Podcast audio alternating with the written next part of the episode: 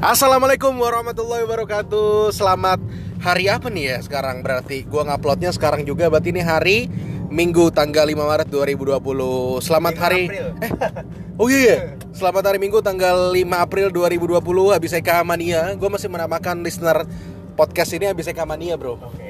karena gue masih belum tahu gitu nama yang harus dinam ah, lah, lah, nama yang bagus tuh apa gitu. Nah sekarang gue sudah bersama dengan salah satu tim Abiseka Wedding Organizer yaitu Anandia Sufian Karim akrab disapa Au Karin Au Karim. Instagram lu namanya apa ya At Au Karim, bener. Au Karim. at a alpha Alfa. w nya apa W itu apa ya? W. alpha Wendy Wendy. mungkin sih kilo Kilo. alpha lagi Romeo. Romeo India monyet Magenta, iya. Eh. Magenta. apa M. Magenta. emang magenta apa Nggak tahu sih. nggak Ya udah tahu. oke. Nah, sekarang di podcast HBCK Wedding Organizer ini kan, itu durasinya hanya gua kasih 30 menit. Nah, 30 sekarang udah berjalan 1 menit lewat ya 10 detikan lah. Lu tinggal punya waktu 29 menit lagi Buat untuk menghabiskan uang 10 juta. uang kaget. untuk Nah, di podcast HBCK Wedding Organizer seharusnya lu udah denger dong. Kita concernnya hanya ketiga hal doang nih. Yang pertama adalah lu boleh pilih untuk ngebahas tentang uh, behind the scene selama lu nge-WO. Hmm. Kisah-kisah tentang sedih boleh, kisah-kisah tentang yang seneng-seneng boleh, yang mengharukan pun boleh gitu-gitu atau kisah-kisah lucu. Atau yang kedua lu boleh pilih tentang konten keluh kesah vendor lu mau berkeluh kesah tentang apa selama nge-WO atau segala macam atau yang ketiga vendor juga manusia nah lu kan udah tahu tuh nah lu mau pilih yang mana ya sebelumnya Gua rasa yang gua cocok akan ngebahas adalah yang pertama. Behind the scene gua sebagai wedding organizer. oke ya berarti lu memilih yang pertama nih ya. Oke untuk eh, Anandia Sufyan Karim waktu dan tempat saya persilahkan. Eh, pada suatu hari iya lah pada suatu hari kayak mau cerita nih gue nih. Ya intinya gue tergabung di ABCK ini kurang lebih satu tahun bareng bersama-sama membangun ABCK bareng Mas Arnold ini. Ya, jadi harusnya gue yang paling dijunjung. Iya eh, untuk s- menuju ke hari H pernikahan. Jadi eh, biasanya umumnya di Hamin dua minggu. Gua dan mas gua ya nggak apa-apa ya. Nggak apa-apa, gua boleh. dan Mas Arnold ini Hamin dua minggu itu melaksanakan yang namanya technical meeting ya kan? Kita pertemukan vendor dan keluarga. Di situ eh, kita bahas apa aja yang akan kita lakukan teknis dan non teknisnya di hari H nanti.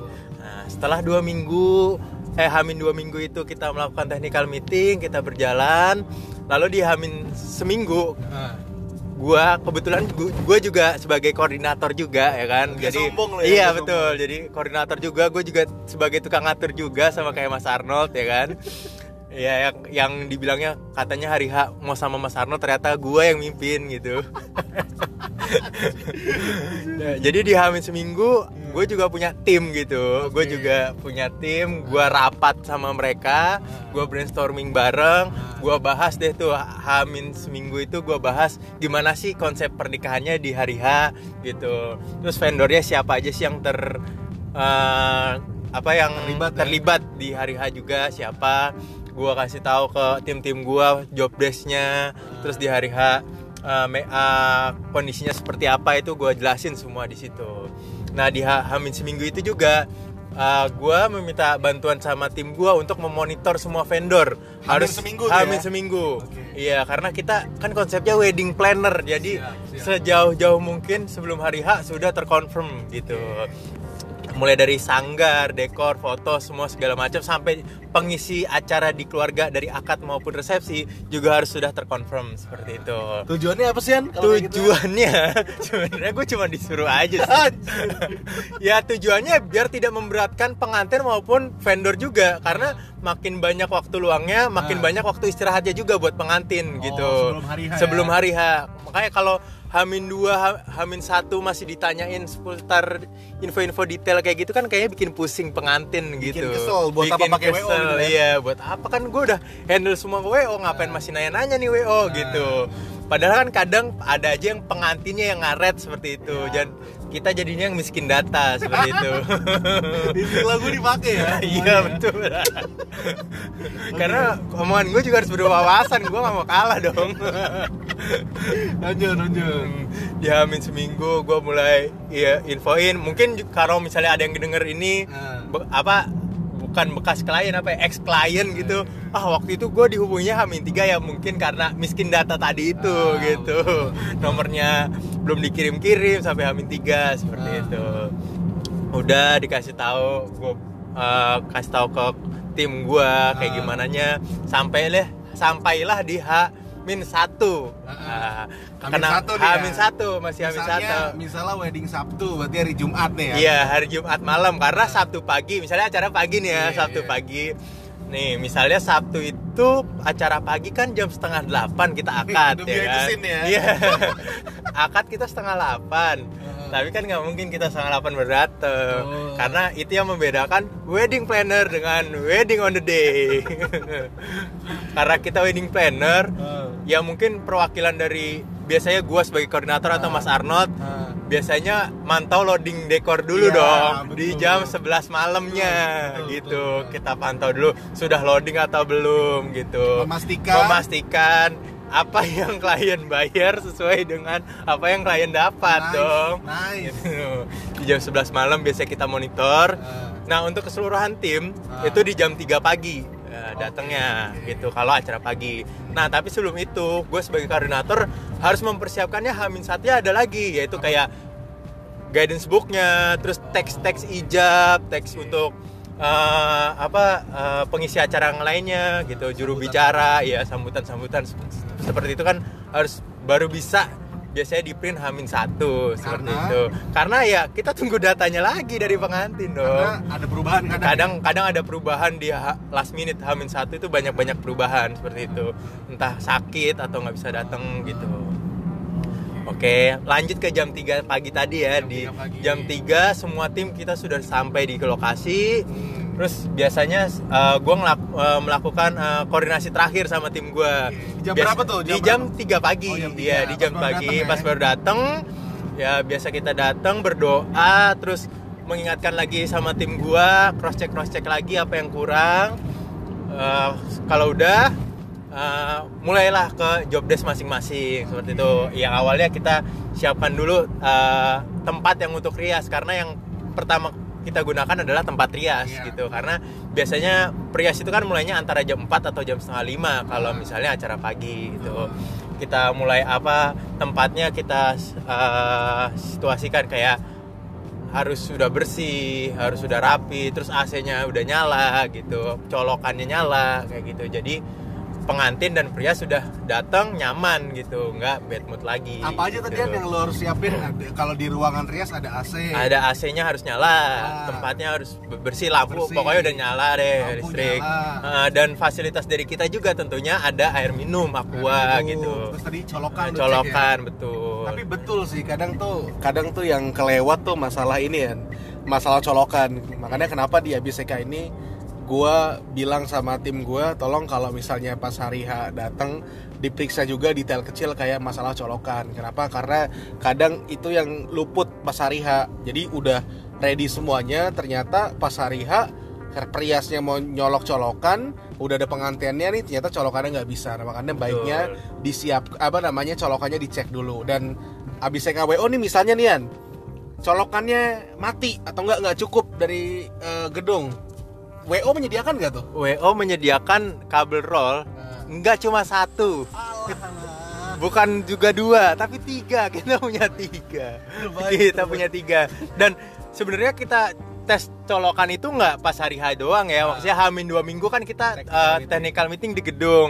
Ya itu sebenarnya sudah kita cek juga tapi kan nggak tahu di hari hanya gimana Betul. gitu. Makanya kita cek ulang lagi kita make sure ulang lagi kita koordinasi ulang lagi sama pihak gedung juga gitu nah udah tadi Oke. eh, biasanya jam 4 tuh mulai berdatangan tuh Prias datang kita sapa Nyapanya kita gimana? Gimana? selamat pagi kak gitu dari ini ya biasanya kan eh, dari vendor apa misalnya Iya. eh dari sanggar mana gitu Ah, ah. iya betul mau rias siapa karena priasnya banyak dong gitu Kenapa kita harus baik sama sanggar ya? karena sanggar ini salah satu yang menunjang pengantin itu cantik atau enggak gitu. Ah. Heeh, jadi nanti kalau misalnya kitanya jutek, dianya jadi baper, Nah, dia jadi ngasal nanti make upin Ah, si pengantinnya oke. seperti itu. Betul, jadi betul. kita harus dari awal masuk itu baik, harus baik ke mereka gitu. First impression-nya First baik ya. impression-nya harus baik. Kita sapa, terus habis itu kita uh, apa? Mau dibantu nggak diangkat kopernya gitu. Dan jangan lupa kalau misalnya vendor termasuk sanggar kita sediakan Kita sediakan nasi box juga gitu. Oke, oke, oke. Iya. Terus terus terus. Kak ada berapa? Biasanya udah kita tanya dong Hamin Ah, dua ah. berapa personilnya berapa krunya gitu. ah. Misalnya 10, oh ya udah nanti di hari H kita siapkan 10 nasi box untuk sanggar atau Oke. vendor apa pun gitu. Ntar Memanus- kita memanusiakan vendor ya. Betul, semua vendor ya. Mau foto, uh, deko, uh, foto, entertainment, sanggar, seperti itu MC. Tuh. Terus terus. Nah di jam 4 sudah datang biasanya sanggar duluan yang datang sanggar rias biasanya setengah lima pengantin dan keluarga sudah datang gitu Oh, nah yang pertama kali harus di treatment ya pasti pengantin wanita, calon pengantin wanitanya Ah. mama-mama dari kedua pengantin Ah. lalu juga kadang biasanya papa-papa udah datang Ah. nah gue sebagai uh, koordinator Iya. biasanya ke pengantin pastinya calon pengantin dan orang tua pasti. Pertama yang kedua yaitu ke ketua, ke ketua panitia masing-masing. Biasanya di situ mengingatkan aja lagi konsep acaranya seperti apa. Terus Ah. habis itu nanti seperti biasa om kalau ada apa-apa langsung hubungin ke aku aja gitu. Nanti biar aku komunikasikan ke tim aku seperti itu. Nah, pertanyaannya nih, Yan, Hmm. kenapa lu harus mengingatkan lagi ketua panitia untuk masalah konsep? Padahal kan konsep udah disepakati nih sebelum hari H, kita ada technical meeting dan lain-lain. ya kadang ketua panitia yang namanya juga manusia pertama kadang Ah. suka lupa juga Hmm. kadang juga misalnya di Hamin dua minggu Hamin dua minggu kan kita kan habis Technical meeting. technical meeting gitu. Nah setelah Hamin dua minggu kan udah nggak ketemu lagi sama kita. Iya. Kadang itu ada misalnya ada masukan dari keluarga A, keluarga B Ah. melalui ke ketua panitia dan nggak bisa langsung ke kita pasti Ah. Makanya dari jalur koordinasinya ke ketua panitia dulu baru ke kita gitu. Karena banyak loh nggak cuma satu dua acara di hari H baru ada konsep seperti itu gitu. Ah, Mas tolong nanti tambahkan itu misalnya Mas ini ada wedding car sayang saya nggak dipakai nanti tolong dipakai ya gitu. Nah makanya di situ dari awal kita uh, tanya lagi konsepnya Ah. biar nanti sambil berjalan kita pikirkan gitu. Oh berarti kalau misalnya misalnya ini wedding car mau dipakai, ntar lewatnya sini, ntar jadi waktunya begini gini gini gitu. Oke, biar tetap oke. terukur waktunya seperti itu. Ah, ah, ah. Mm. Terus terus. Di situ udah berjalan kita ketemu ketua panitia. Ah. Uh, terus uh, tim gue juga sambil monitor semua vendor udah datang di waktu yang sudah ditetapkan seperti itu sambil berjalan nanti di jam 7 Nah, sebelum sebelum ke sana nih ya, Nah, sebelum ke sana ini kan ini kan behind the scene nih. Nah, Kira-kira nih Yan, dari lo datang jam 3 ke jam 4 itu kan proses di mana lo follow up si sanggar juga kan Hmm. untuk segera datang segala macam. Kira-kira pernah nggak sih di acara siapa gitu klien kita yang lu deg-degan gini kok sanggaran nggak ada kabar, kok nggak sampai jam 4 sampai jam 4 kurang 5 menit tuh kayak nggak ada kabar aja gitu tapi sebenarnya datang tiba-tiba tapi lu pernah ngalamin gitu nggak? kalau sanggar biasanya sanggar ini orang yang paling ini sih komit sih maksudnya Iya. paling paling oke lah buat ngabar-ngabarin malah kadang yang yang suka kayak gitu tuh yang biasanya di chat nggak nggak dibalas di telepon nggak diangkat tapi tiba-tiba datang itu penghulu biasanya Oke. ya kalau sanggar komit sih ya, saya ngasih tau lah ngabarin gitu kalau sanggar ya Berarti alhamdulillah sejauh ini nggak ada kayak yang apa Ah. namanya nggak bisa dihubungin sama sekali Hmm. karena kan lo juga ngubungin nggak cuma hari H doang kan pasti sebelum Betul. hari H dari timnya Abiseka monitor nih Hmm. list make upnya list busananya segala macam gitu kan Hmm, betul. Makanya kadang yang tadi gue bilang kadang kan kalau yang susah dihubungin itu kan penghulu. Makanya Hmm. kadang sebelum hari H tuh penghulu kita saja kita aja yang jemput gitu. Ah, oke. Nggak nggak berangkat sendiri karena kalau berangkat sendiri takutnya nggak bisa termonitor dengan baik gitu. Makanya Pak mending ah, kita ada fasilitas dari WO untuk penjemputan gitu. Iya, Tapi iya. kadang kita balikan lagi ke si Penghulunya. Kadang kan habis satu titik ke titik lain. Mobilitasnya biar lebih enak ya makanya mereka milih berangkat sendiri seperti itu. Setuju, setuju gue. Kadang kita juga eh, kita juga hamin dua minggu pas technical meeting itu kita Ah. selalu bilang ke orang tua eh keluarga juga seperti itu kan ya bang ya. Ah.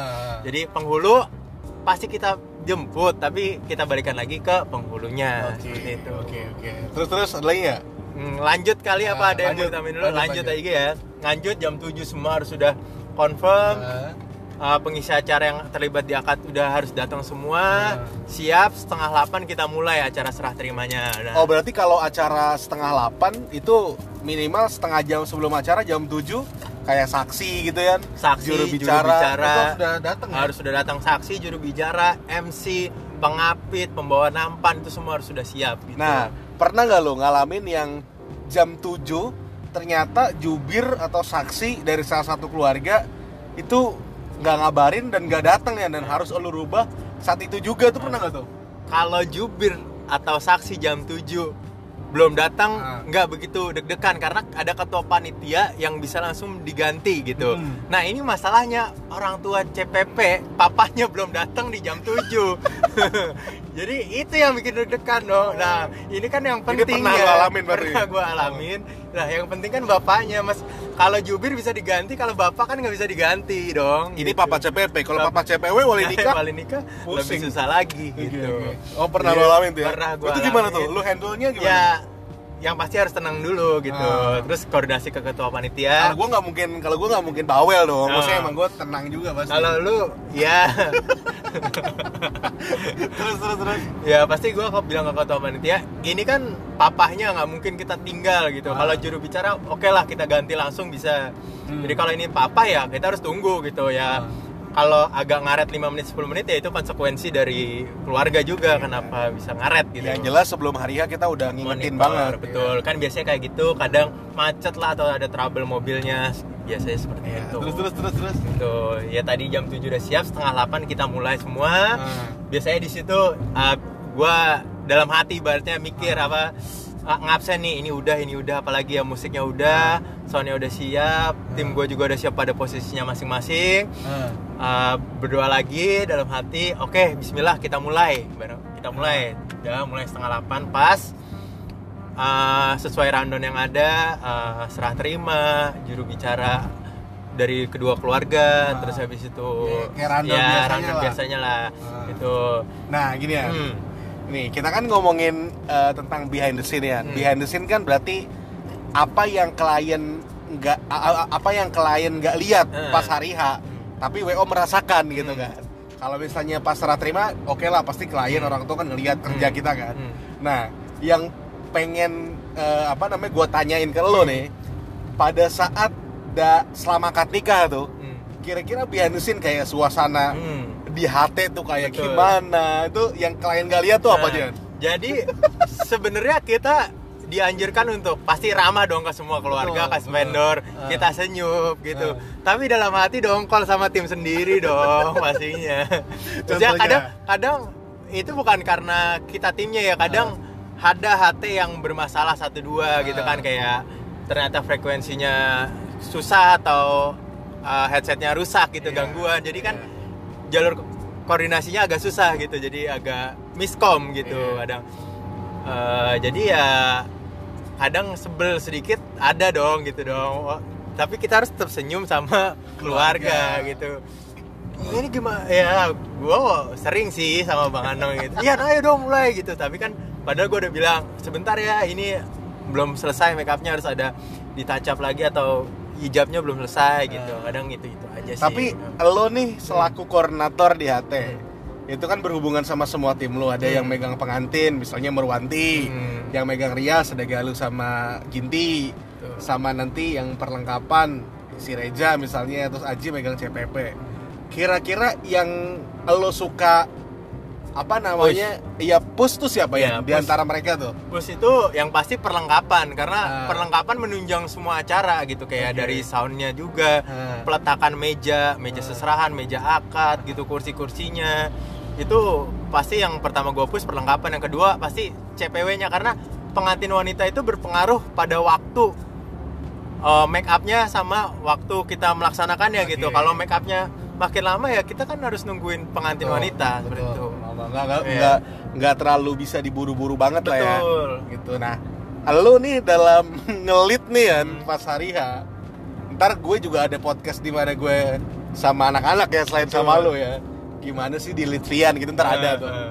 nah lu tuh dalam ngelit anak-anak mimpin anak-anak atau tim lo itu gimana tuh gaya gaya lu tuh kayak lu apakah marah-marah all the time gitu kan atau ada saatnya lo tegas ada saatnya lo bercanda atau gimana tuh ya jadi biar klien tahu nih oh mas Fian aku kira baik-baik aja loh maksudnya ya senyum-senyum aja pas ketemu tapi ternyata galak ya gitu gue pengen Ah. ngambil sisi itunya ada nggak kira-kira Nah, sebenarnya kalau kalau di ABCK itu kan konsepnya sebenarnya kekeluargaan dong. Betul, Kita betul. tuh ya bener-bener apa udah saling tahu satu sama lain karena Ah. Timnya juga yang dipakai ABCK kan ya tim inti Tim gitu, nggak nggak ada cabutan dari WO mana pun gitu. Jadi ngertilah uh, sifat dan sikapnya satu sama lain gimana kesehariannya gitu. Iya, iya. Jadi di hari H kita udah nggak kaget lagi dan udah kompromi lah satu sama lain. Nah kalau dibilang gaya kepemimpinan gua gimana, sebenarnya gue santai. sebenarnya santai. Kalau on time pasti santai. Cuma kadang kalau misalnya ada ya intervensi sini sini sini, sana sini kan kadang itu yang bikin pusing aja sih. Kan itu juga lagi-lagi kalau menikah di gedung adalah waktu sih kita berpacu dengan waktu gitu. tapi pernah nggak ya lu nggak mungkin nggak pernah marah dong ya Betul. kan? pernah nggak lu pas lagi marah nih sebenarnya lu nggak ada maksud buat marah tapi Hmm. karena lo yang tadi lu bilang ada intervensi sana sini yang Eh. pastinya bukan dari gue kan intervensi sana sini misalnya terus bikin lo pusing tiba-tiba ada tim lu yang sebenarnya Oh, iya. udah di briefing nih. Tapi tim lu kayak lupa aja gitu ya makanya nanya ke lo. Terus lu pernah nggak marah-marah banget gitu ya Ya kalau pernah sekali gue marah-marah banget itu sama Galuh, sama Galuh. Jadi ya yang tadi gue bilang di awal di Ah. jam 7 semua pengisi acara utama itu harus sudah datang termasuk pengapit gitu. terus? Nah tiba-tiba di jam 7 lewat itu udah bukan jam 7 lagi ya 7 mendekit mendekati setengah 8 Iya. si Galuh baru bilang pengapit belum datang gitu wadaw kenapa lu nggak bilang dari tadi Ah. kalau bilang dari tadi kan gue bisa ke ketua panitia Iya, gitu iya. gimana nih enaknya gitu ah. karena kan kita sebagai ketua kan nggak cuma ngelihat step ke depannya satu step Iya. dua step tapi udah tiga empat step Iya. lebih ke depan dibanding tim kita dong Betul, gitu betul. seperti itu jadi kalau dadakan kayak gitu pasti sulit gitu loh. Akhirnya gimana tuh? Akhirnya ya pasti gua nada tinggi dulu dong. Ah. kenapa sih nggak bilang dari tadi? Kan kalau bisa dari tadi gua siapin yang lainnya gitu dong. Segala macam tapi kan percuma kalau kayak gitu tidak menyelesaikan apa pun dong gitu. Tetap harus pakai kepala dingin. Oh. Nah, tetap harus bilang ke ketua panitia koordinator keluarga pasti kalau pengapit kalau pengapitnya belum datang ternyata gitu. Hmm. dari keluarga ada yang eh, mewakilkan nggak gitu penggantinya plan B-nya lah Hmm. gitu. karena pasti ma- ad- pasti datang tapi nggak tahu telat atau gimana Iya, kan iya, seperti itu. Akhirnya dikasih plan B-nya tapi tetap yang plan A-nya datang gitu. Alhamdulillah tetap alhamdulillah datang ya? tetap datang tapi Last last minute minute, ya? gitu. Untungnya make upnya bukan dari sanggar ya? untungnya pribadi gitu. Oh paham gue tapi bagian sulitnya adalah bener gak nih ya? Lu Hmm. boleh konfirmasi ya bagian sulitnya adalah pada saat lu lagi kesel lagi marah nih ya kan? Hmm. tapi lu harus jernih juga otak lu apalagi pada saat lu lagi marah-marah di hati sama tim lu tiba-tiba ada yang nyolek punggung lu ternyata keluarga mau nanya sesuatu dan mau nggak mau lu harus senyum gitu. Mm-mm. pasti pernah dong. Pasti pernah. Kalau misalnya gue yang ngomel-ngomel terus ditanya mungkin ah udah berarti selesai nih. Ah. nah kadang kan gue nggak cuma ngomelin dong sering diomelin juga dong. Kadang kalau gue lagi ibarat ya ya diomongin sama Mas Arnold nih lagi Ah. dikasih instruksi Ah. gitu yang dengan nada agak kencengnya gitu. Kadang misalnya gue dicolek keluarga kan ya gue harus dengerin mana dulu Iya, gitu.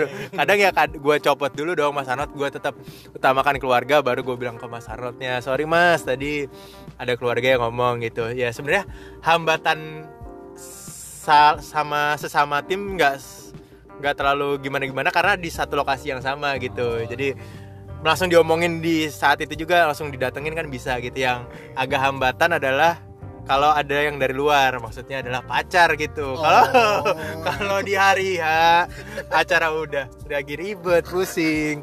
Pacar juga ngambek itu yang repot pusing gitu. bro pusing. Gue juga pasti lu tau lah mimik muka gue waktu gue misalnya masih pacaran nih sama Nindi gitu.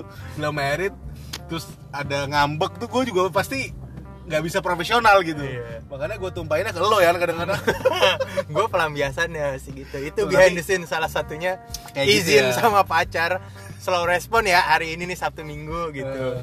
tuh yang tapi alhamdulillahnya sejauh ini maksudnya walaupun behind the scene-nya kayak yang tadi kita kasih tahu kayak ada marah-marah Hmm. segala macam alhamdulillahnya ke keluarga sih kita nggak ada yang kayak nggak gitu ada ya yang kayak gitu nggak nggak kita nggak ada jutek sama Iya, sekali sama keluarga sama gitu sekali karena memang udah kesepakatan kalau dari Abiseka ya nggak cuman keluarga ya nih kayak vendor Vendor. vendor Hmm. apa pun gitu nggak Hmm. cuman sanggar kayak musik atau foto kalau bisa harus tetap berhubungan baik silaturahmi Tuh, karena rezeki kan nggak ada yang tahu dari mana nggak ada yang tahu dari mana dan dua nggak ada salahnya kita silaturahmi kan karena ya buat berkah buat semuanya makin banyak Hmm. Betul. teman insya Allah makin berkah lah buat hidup kayak Ah. gitu kan nah ini kan udah mau 30 menit nih ya Iya. gue pengen tanya sama lu beberapa hal lagi nih selama lu nge-WO nih udah puluhan ratusan Iya. klien nah kira-kira momen paling haru ya Ah. Yang mana momen paling haru, Haru. gue adalah itu boleh Ah. lu sebutin Hmm. pengantinnya juga nggak Hmm. apa-apa momen paling haru gue adalah ketika sebenarnya bukan bukan kliennya siapa Ah. bukan di mana tapi setiap izin nikah oh istizan ya istizan nikah iya kenapa kenapa tuh ya gue nanti akan merasakan sebagai bapak Eh, terus gue punya anak cewek Minta yang izin, ya minta iya. izin ya kan.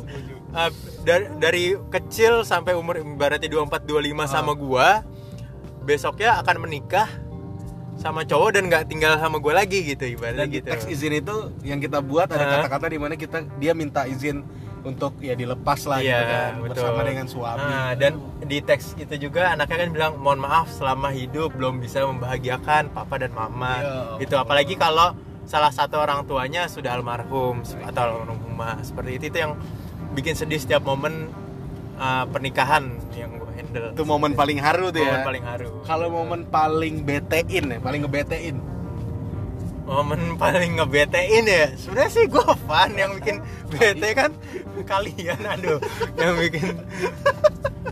Apa ya Eh, bete itu sebenarnya kadang eh, ya baik lagi ya karena pernikahan di gedung itu waktu Hmm. kalau ada yang ngaret-ngaret itu yang bikin bete gitu yang nggak Oh, sesuai. iya, udah. harusnya jam segini udah eh, harusnya jam segini udah selesai make up harusnya.